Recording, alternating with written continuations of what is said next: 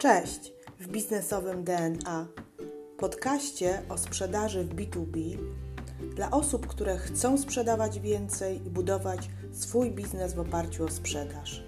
Nazywam się Ewa Piotrowska i w tym podcaście udzielę Ci praktycznych wskazówek z zakresu pozyskiwania klientów, prowadzenia procesu sprzedaży oraz zwiększania ilości klientów. Jeśli jesteś osobą, która lubi sprzedaż, a może masz potencjalnych klientów, którzy składają tylko obietnice, a może nie masz procesu sprzedaży lub strategii sprzedaży, to zapraszam Cię do słuchania tego podcastu.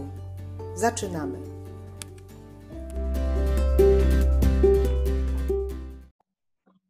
Cześć. Czy zdarza Ci się czasem, że marzysz o takiej sytuacji, w której to klient do Ciebie przyjdzie i sam powie Ci, że jest zainteresowany Twoim produktem? Czy marzysz o czymś takim, kiedy to nie będziesz musiał wykonywać żadnych kroków w stronę klienta? Ja też tak kiedyś myślałam, że model, w którym to klient do mnie przyjdzie i zapuka i powie, że chce ode mnie jakiś produkt, jest lepszy.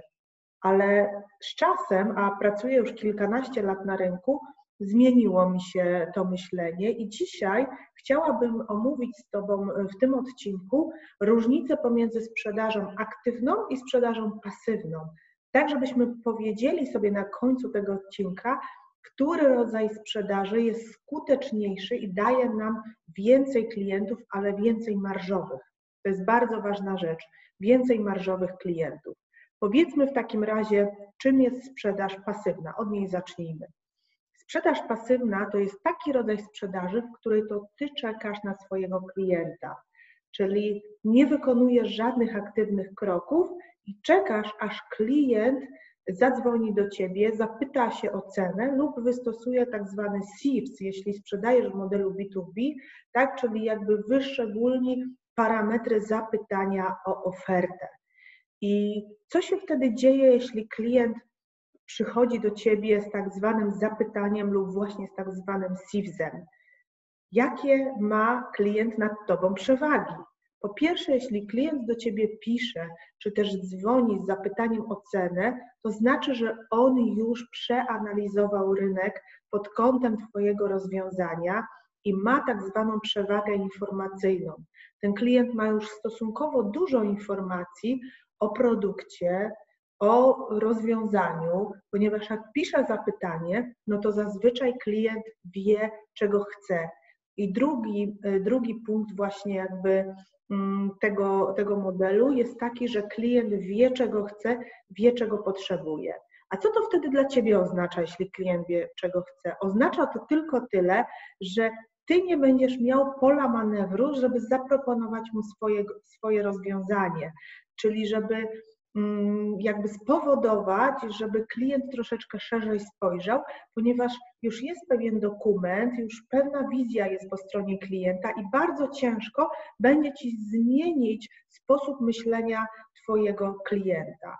Po trzecie, klient, jeśli już zapoznał się z informacjami o Tobie, o Twoim produkcie, rozmawiał z konkurencją najprawdopodobniej, najprawdopodobniej jesteś już jego piątym albo czwartym wyborem, to on wie, ile może zapłacić. Już ma sprecyzowany tak zwany budżet.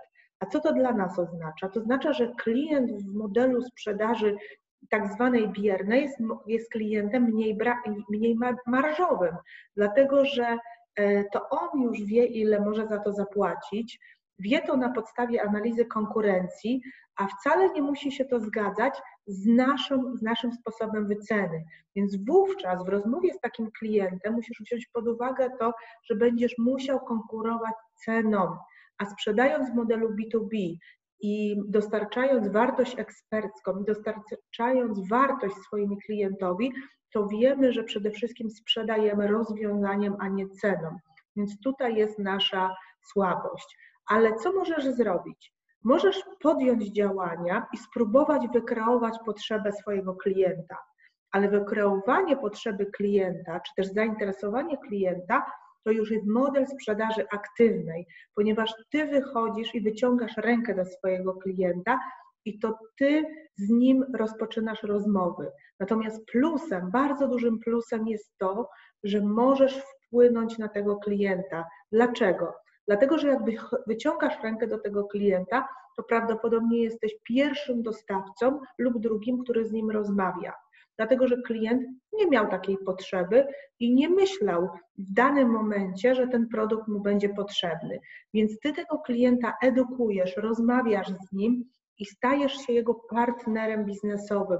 Od samego początku jesteś jego partnerem biznesowym, budujesz z nim relacje i masz większy wpływ na to, co kupi, jak kupi i za ile kupi. Bo trzecia bardzo ważna rzecz to są właśnie pieniądze.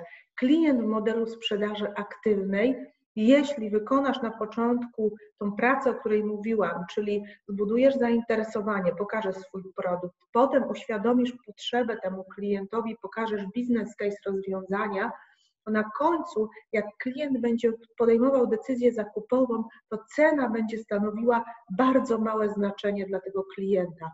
Więc wówczas będziesz w stanie pozyskać klientów wysokomarżowych, a o to nam przede wszystkim chodzi, żeby nasi klienci nie tylko patrzymy na ilość tych klientów, ale też na jakość pod kątem przychodu, ale przede wszystkim marży. Więc który rodzaj sprzedaży jest korzystniejszy? Zastanówmy się teraz, co sądzisz? Ponieważ ja uważam, że sprzedaż w modelu aktywnym jest sprzedażą, która wymaga więcej energii, więcej zaangażowania z Twojej strony, ale też daje większą satysfakcję.